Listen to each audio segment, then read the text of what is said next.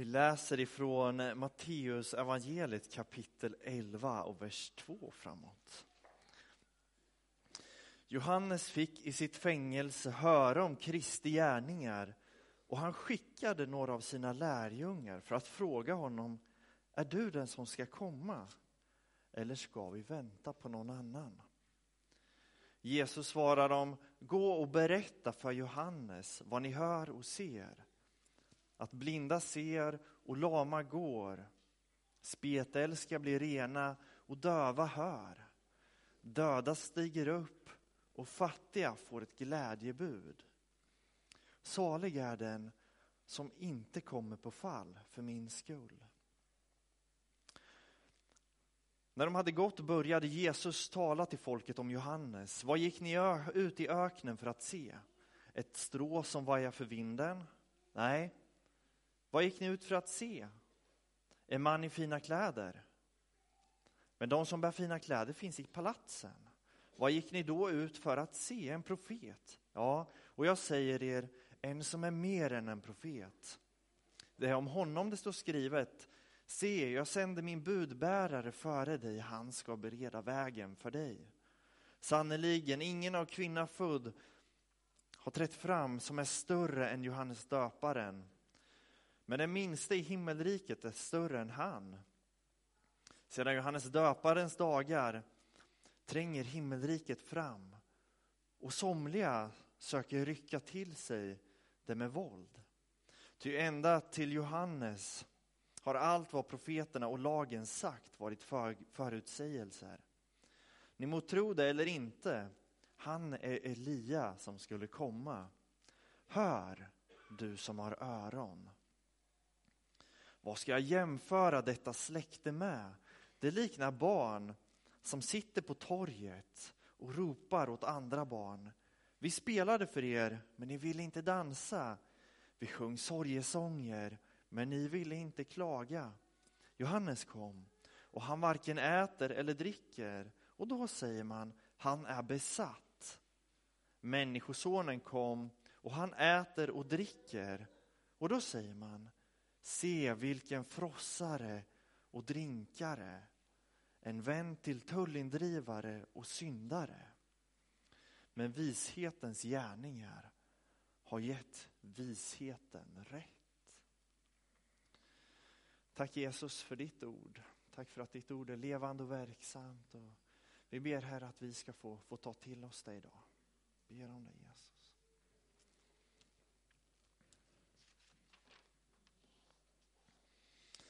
Kapitel 11 i Matteus evangeliet så hanterar Jesus det faktum att han är inte den som folket hade förväntat sig att Messias skulle vara. Matteus 11 så hanterar han att den, den Messias han är krockar med den bild som människorna hade utav vem Jesus, vem Messias skulle vara. Och Jesus är medveten om att han inte matchar deras bild. Men han trotsar deras bild och menar att det här är det rätta sättet. Det här är rätt sätt att införa Guds rike på.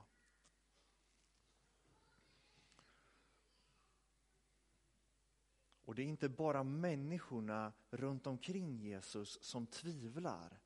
Till och med hans kollega och kusin Johannes Johannes döparen tvivlar. Johannes döparen han var fängslad för att han hade förorättat kung Herodes med sin eldiga förkunnelse och i kritiken utav att Herodes hade gift sig med sin brors före detta hustru. Och den här kritiken var del i att Johannes beredde plats för kungen, för Messias, kungen som skulle komma in i och upprätta Guds rike. Herodes var inte den rätta kungen, utan Gud skulle ersätta honom. Och Det var inte konstigt att Herodes lät fånga och fängsla Johannes. Men vad ser vi i den här texten? Vi ser att Johannes börjar fundera. Är du den som ska komma? Eller ska vi vänta på någon annan? Och Det här är någon som har lagt ner sitt liv för att bereda vägen för Jesus, för Messias. Men i fängelset så är Johannes döparen besviken. För han hör om Jesu gärningar. Och det här var inte vad han hade föreställt sig. Det här är inte den Messias Johannes döparen hade väntat sig. Vad väntade sig Johannes döparen? Han väntade sig att Jesus, att Messias skulle svepa in som en eldens man, som Elia och ta i tur med Balsprofeterna, med avgudadyrkan i landet. Han väntade sig att, Johan, att Jesus skulle komma och konfrontera den falske kungen och ställa honom inför rätta och ta hans plats ta hans plats i kungariket på tronen. Han väntade sig att Jesus skulle komma och rädda Johannes ur fängelset och ge honom en hedervärd plats. Men Jesus agerade inte så. Han följde inte Johannes döparens bild av Messias. Istället så gick Jesus runt och umgicks med syndare och tullindrivare. Jesus blev berömd, men inte för det Johannes döparen hade väntat sig att Messias skulle bli känd för. Så var Jesus den som skulle komma? Var Jesus Messias? Och i den här tiden så är inte Jesus den första människorna kallar Messias. Flera har framträtt som folket har kallat Messias, som folket har slutit upp bakom. Och till och med efter Jesu död och uppståndelse så fortsätter, fortsätter det i, i, i den här judiska kontexten framträda människor som menar sig vara Messias och som samlar människor som tror att ja, men nu har Messias kommit. Nu har den mannen kommit som gör de här gärningarna vi väntar på.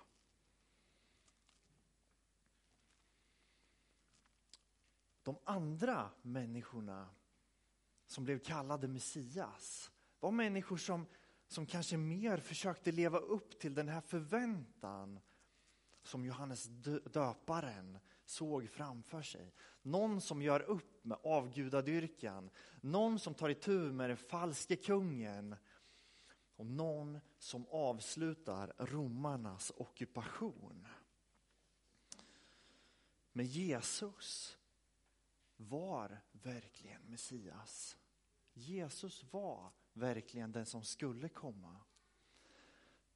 Men inte enligt den berättelse Johannes döparen hade föreställt sig eller som det judiska folket förväntade sig.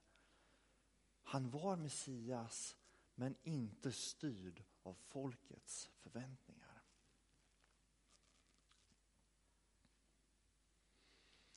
Det finns många profetiska utsagor i Gamla Testamentet och läser man Gamla Testamentet så säger Gud många gånger att det här ska jag göra, det här ska jag göra, det här ska jag göra. Och väldigt mycket av, av de texterna handlar om dom för Israel. Och man väntade sig att nu kommer han, nu kommer domen över Israel.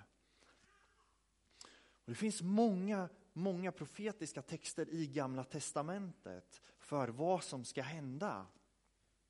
När Jesus kommer så är det i linje med andra texter. Till exempel Jesaja 35 som vi läste förra gudstjänsten. Då skulle fångenskapen vara över, de blinda och lama skulle botas och Gud skulle befria sitt folk. Jesus är inne i ett annat skede i de här profetiska texterna än vad Johannes väntade sig och än vad folket väntade sig. De trodde att nu kommer domen, men Jesus kommer med nåd och försoning.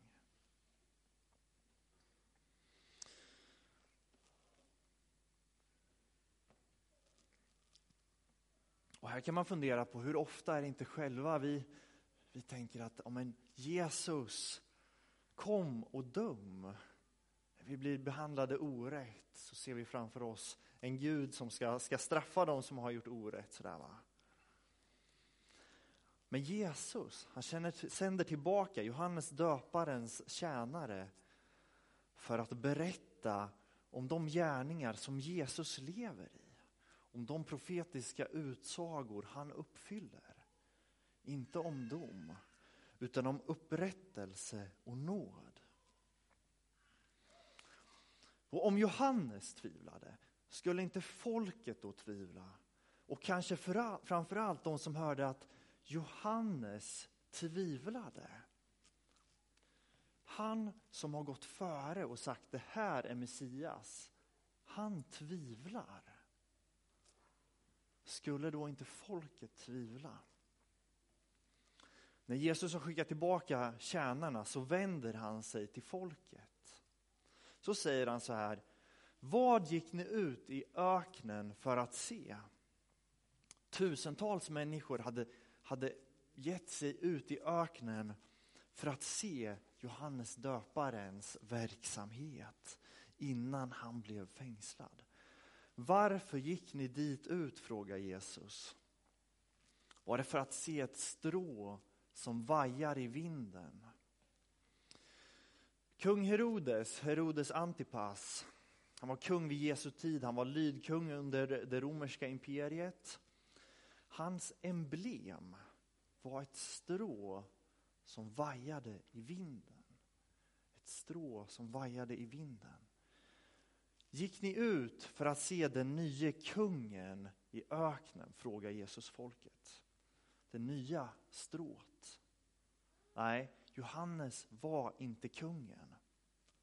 Han var profeten.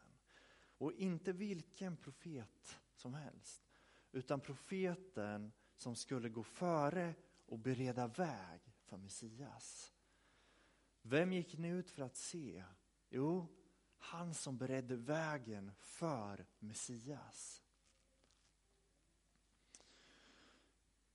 Och Johannes han stod där ute, han döpte människor till omvändelse, till ett nytt liv.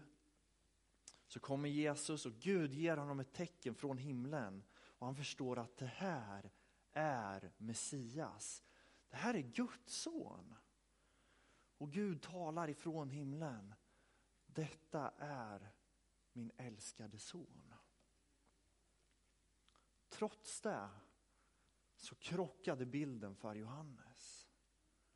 Det här var inte vad han hade förväntat sig av Messias. Han hade visst tvivel. Och Jesus svarar, jag är Messias, men inte så som du har tänkt dig.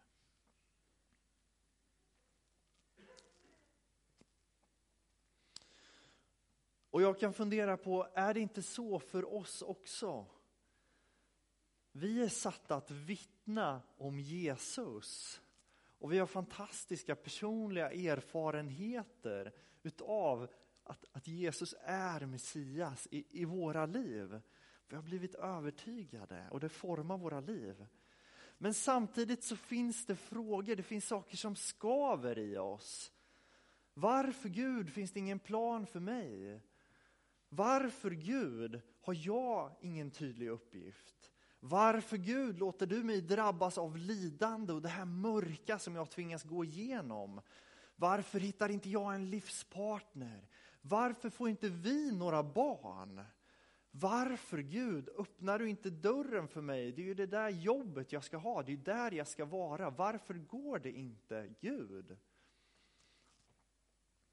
Och jag tror att vi är som Johannes. Vi har viktiga upplevelser som formar våra liv. Och vi börjar bekänna Jesus som Messias. Men ibland så krockar våran bild av vem Messias ska vara med vem Messias verkligen är.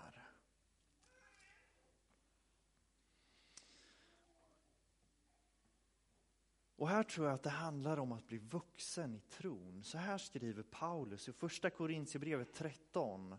11 12. Det står så här. När jag var barn talade jag som ett barn, förstod som ett barn och tänkte som ett barn. Men sedan jag blev vuxen har jag lagt bort det barnsliga. Ännu ser vi en gåtfull spegelbild, då ska vi se ansikte mot ansikte. Ännu är min kunskap begränsad, då ska den bli fullständig som Guds kunskap om mig.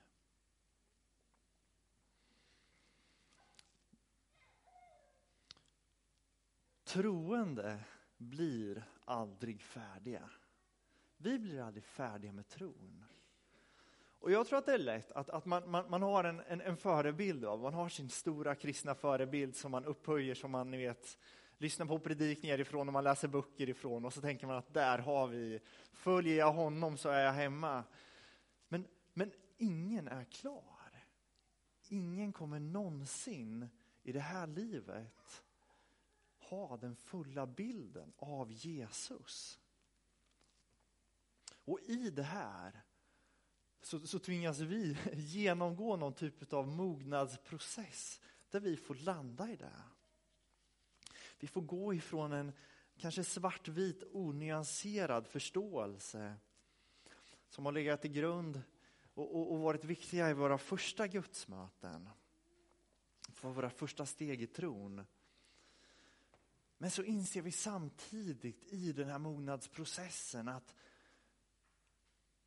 spegelbilden är fortfarande, vi, vi kan ana, men den är inte fullständig. Vi har upplevelser av Gud, vi har mött honom, men vi känner honom inte fullt ut. Det finns saker vi inte förstår. Och Det betyder inte att Gud som framträder för oss är superabstrakt så han är omöjlig att urskilja på alla plan. Och det ser vi inte minst i Paulus eget liv. Han som pratar om den gåtfulla spegelbilden. Han vittnar om Jesus och han ser människor omvända sig och bli befriade och komma till tro på Jesus. Men inte utifrån att han gör anspråk på att äga hela sanningen i, i dess fullhet. Utan Paulus ser den gåtfulla bilden av Kristus. Som också rymmer där vi inte förstår.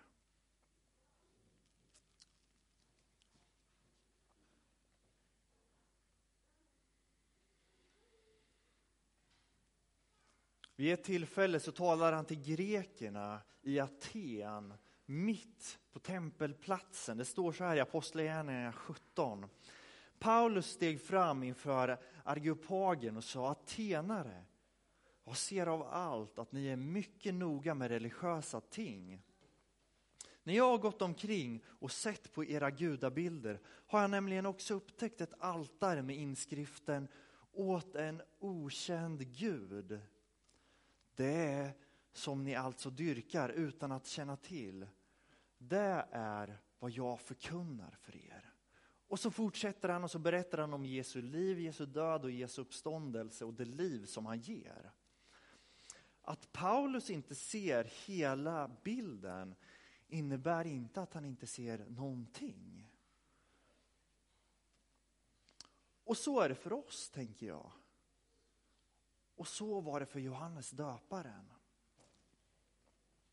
Och det är ingenting som ska hindra oss ifrån frimodighet eller göra oss nedstämda i tron. Istället för att vara nedstämd och frågande så sände Johannes döparen bud och frågade Jesus. Så här tänkte jag att du skulle agera, men du gör någonting annat. Är du Messias eller ska vi vänta på någon annan? Och det här är inte en okänd barnunge, det är inte någon abstrakt person som lever på andra sidan det romerska imperiet. Utan det här är mannen som bereder vägen för Messias. Va? Det sista ordet i Gamla Testamentet, i Malaki, sista versen i Malaki, sen är Bibeln tyst i 400 år. Det står så här. Se, jag sänder profeten Elia till er innan Herrens stora dag, stora och fruktansvärda dag kommer. Han ska vända fädernas hjärtan till barnen och barnens hjärtan till fäderna så att jag inte viger landet åt förintelse då jag kommer. Så slutar Gamla Testamentet. Och här kommer han. Här kommer Elia. Han som ska gå före, han som går före. Och till och med han har frågetecken. Är du verkligen Messias? Och det är inte konstigt att vi ibland funderar på om Jesus är frälsaren när vi ser oss omkring. Eller hur? Va? Världen är inte räddad. Det finns mycket problem.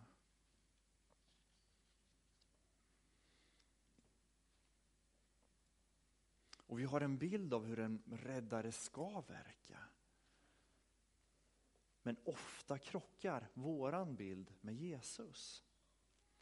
Och så har det varit i kyrkans historia. Kyrkan är full av vittnen som lever i den här dualiteten. Moder Teresa är ett konkret exempel på någon som, som brottas med tron. Är du verkligen Messias? Thomas Merton, en, en, en, en stor eh, kristen tänkare, han dog för 50 år sedan nu i veckan. Han brottades jättemycket med de här frågorna. Det kristna livet är inte fritt från frågor. Men i vissa tider har vi som kristna fått för oss att en god kristen har alla svar. Eller hur? va? Att vara en god kristen, det är att aldrig kunna eh, ställas inför, ni vet, trons brottningskamper, utan när jag tror på Jesus, då är det seger. Då är det, då är det framåt i full fart. Men vi möter Johannes, vi möter Elia som frågar, när han sitter fängslad, frågar han Jesus, är det du? Är det dig jag skulle vittna om? va? Eller är det någon annan? Har jag gjort fel? Eller vad, är du Messias? För jag har några frågetecken, jag får inte ihop det här Jesus.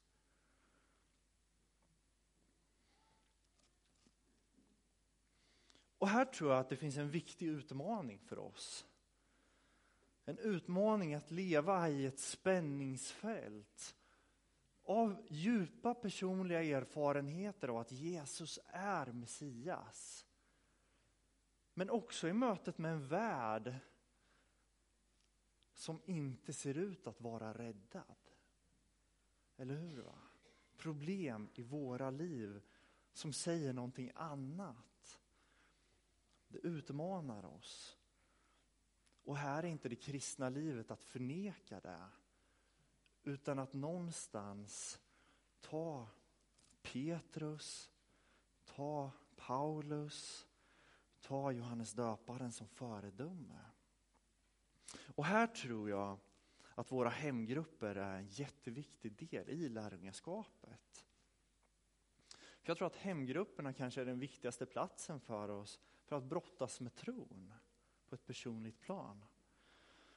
Och Jag tror att det är jätteviktigt. Jag tror inte att det kristna livet är att vi ska förtrycka frågorna vi har.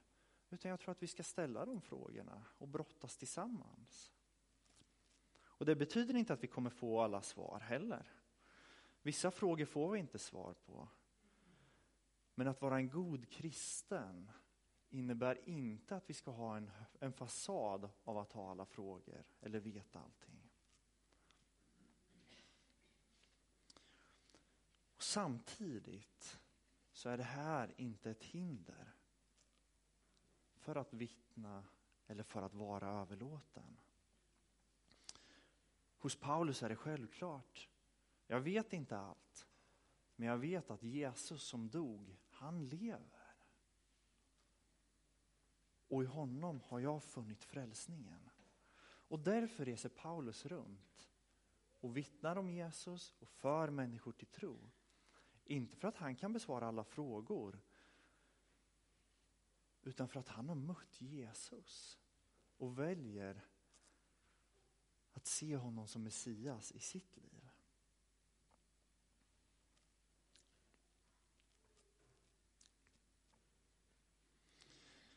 För Petrus är bilden av Jesus fortfarande gåtfull, men den är ändå tillräckligt klar. och inte ens i hot om sitt liv så slutar han vittna. Den är tillräcklig att dö för. Där har vi vår förebild. Tron som trots oklarheter kämpar vidare. Ställer sina frågor, han fortsätter vittna. Johannes döparen, han banar väg för Herren trots sina frågor. Paulus banar väg för Herren trots sina frågor. Och det är utmaningen till oss. Att trots våra frågor vara med och bana väg för Herren. Idag är det tredje advent. Snart föds Jesus. Snart griper Messias in i den här världen. Men han gör inte som vi hade tänkt oss. Va? Han kommer inte på skyarna och dikterar rätt och ordning och, och, och bestämmer. Och, utan, utan han blir född i ett stall. Det förvånar alla. Och jag tror att det är någonting som måste fortsätta förvåna oss. Det är någonting som måste utmana våran tro. Jesus, Messias, är inte den vi väntat oss. Men vi får möta honom som Messias, vi får ta emot honom som Herre och Frälsare i våra liv. Men det kommer alltid finnas någonting där som, som utmanar våran tro, som väcker frågor.